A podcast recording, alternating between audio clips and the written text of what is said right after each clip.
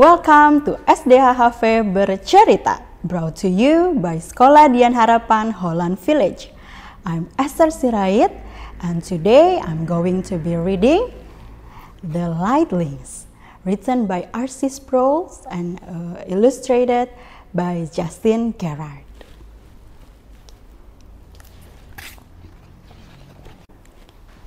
One evening, in a house in a quiet neighborhood, a little boy was getting ready for bed. The boy's name was Charlie Cobb. As his mother was tucking him in, she covered him with blankets and made him warm and cozy. She knelt by his bed and prayed with him. Then she stood, leaned over, and kissed his forehead. Charlie looked up at her mother and said, Mommy, Please don't forget to turn on the night light before you leave my room. Mrs. Cobb smiled at him and said, Don't worry, sweetheart. I'll be sure to turn on the light. I won't leave you in the dark. So Charlie's mother gave him one last kiss, finished tucking him in, and turned on the night light next to his bed. Just as she was ready to leave, Charlie said, Mommy, why am I afraid of the dark? She said, That's a hard question to answer, Charlie. I think we are going to have to save that question for Grandpa. He's coming for dinner tomorrow. You can ask him then. All right, Mommy, said Charlie. I'll wait until tomorrow and ask Grandpa about it. The next day, just as Charlie's mother had promised, Grandpa came for dinner. Before they moved the table, Charlie went and sat on Grandpa's knee and said, Grandpa, may I ask you a question that's really bothering me? Grandpa smiled and said, Of course, Charlie. Tell me what you like to know. Charlie said, Grandpa, why am I afraid of the dark? And why do so many people I know seem to be afraid in the dark too? Grandpa looked at Charlie and said, That's a very good question. But you know, not only are lots of people afraid of the dark, many of people afraid of the light.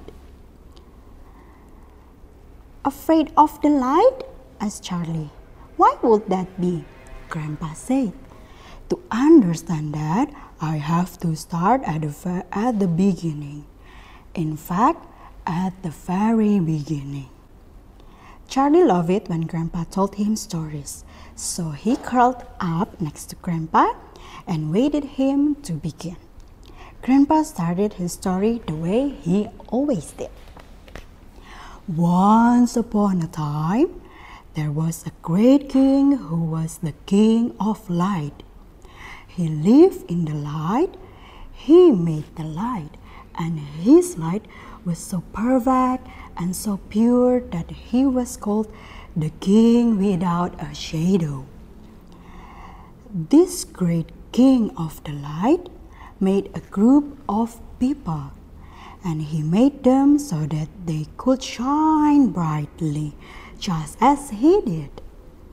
He called them in his light little lightlings he set the lightlings in a beautiful garden that he prepared for them. A garden that was full of bright sunshine. The sun bathed the garden every day and helped the flowers, plants, and fruit grow in abundance. The bright light of the sun helped keep everyone warm in the garden. The lightlings loved it when the king came to visit them at the end of the day. But one day, something terrible happened. The lightlings decided to do what they wanted to do instead of what their king commanded them to do. So they disobeyed the king and sinned against him. The very moment they sinned, their lights became dim and they were filled with shame and great embarrassment. They ran as fast as they could to get away from the king. They didn't want the king of light to see them. They ran, they ran out of the garden and into the woods and hid themselves in the darkness place they could find. From then on, they were afraid of the light because they knew that where the light was, the king would be, and the king would see them in their shame. After the lightlings left, the king began to remove his light from the garden. It soon became cold and covered with weeds, thorns, and sticky briars. The lightlings moved further and further into the woods until they lived in the place that was almost completely covered with darkness. It was so dark, they had to grope around as if they were blind, feeling their way through the forest. After they would trip Often they would trip and fall, scuffing their knees and bursting themselves. It was awful living in the dreadful darkness all the time, where the only light they ever saw was the barely lit shadows that danced in the forest. In fact, they couldn't tell the difference between night and day. Then one night, or perhaps it was day.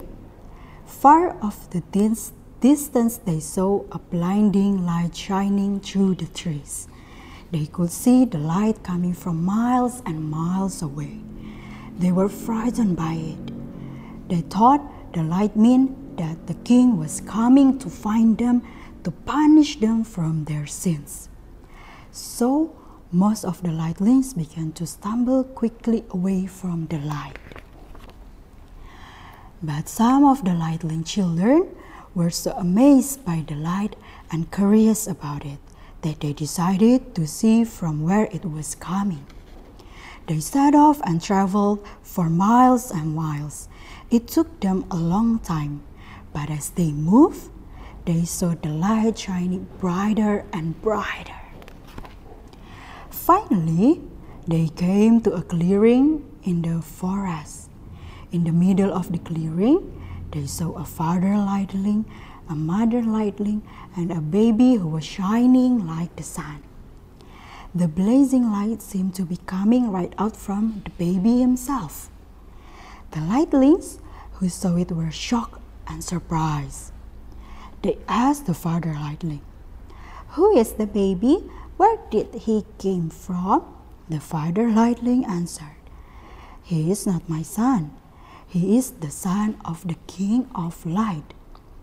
The King has given him to us as a special gift. He will be called the light of the world. There will be no darkness strong enough to hide his light, no darkness deep enough to send his light away. When they heard this, the lightling children kneeled down at the baby's feet and began to worship him in fear and reverence. When they stood up again, their own faces were shining. But the light that was shining in their faces was not coming from inside them. It was a reflection of the light coming out of the baby.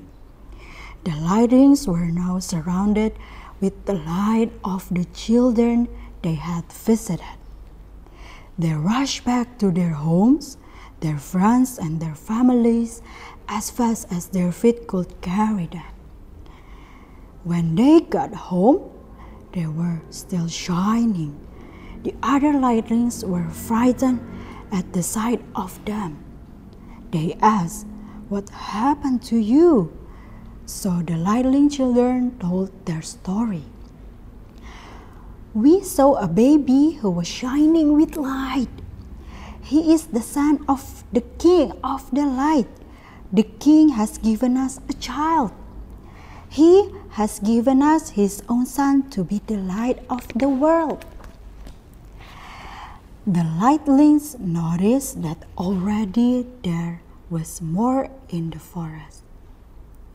Now they could begin to see where they were going. They could walk without falling. They could run and play without bumping into trees or rocks and getting burst. Some still hid from the light, but others realized they didn't need to be afraid anymore. They saw that living in the light was much better than in the darkness they used to.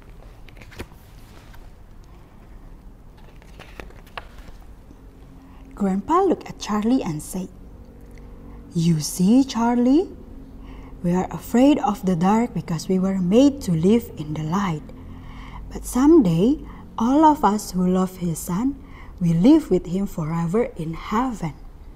When we go to the dwelling place of the Son, who is now the light of the world, there will be no darkness at all. Not only that, there will be no moon there won't be any stars or even a sun. There will be no night lamps, no lamps, no lanterns, not even any candles. Charlie asked, How can it be?